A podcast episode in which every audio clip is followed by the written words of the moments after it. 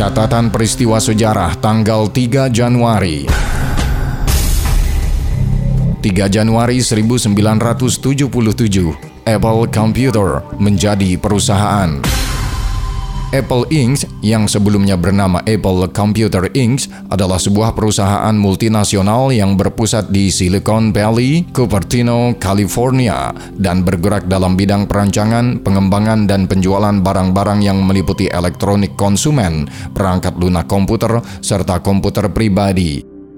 Apple Inc. didirikan pada tanggal 1 April 1976 dan diinkorporasikan menjadi Apple Computer Inc. pada tanggal 3 Januari 1977. Pada 9 Januari 2007, kata komputer dihapus untuk mencerminkan fokus Apple terhadap bidang elektronik konsumen pasca peluncuran iPhone.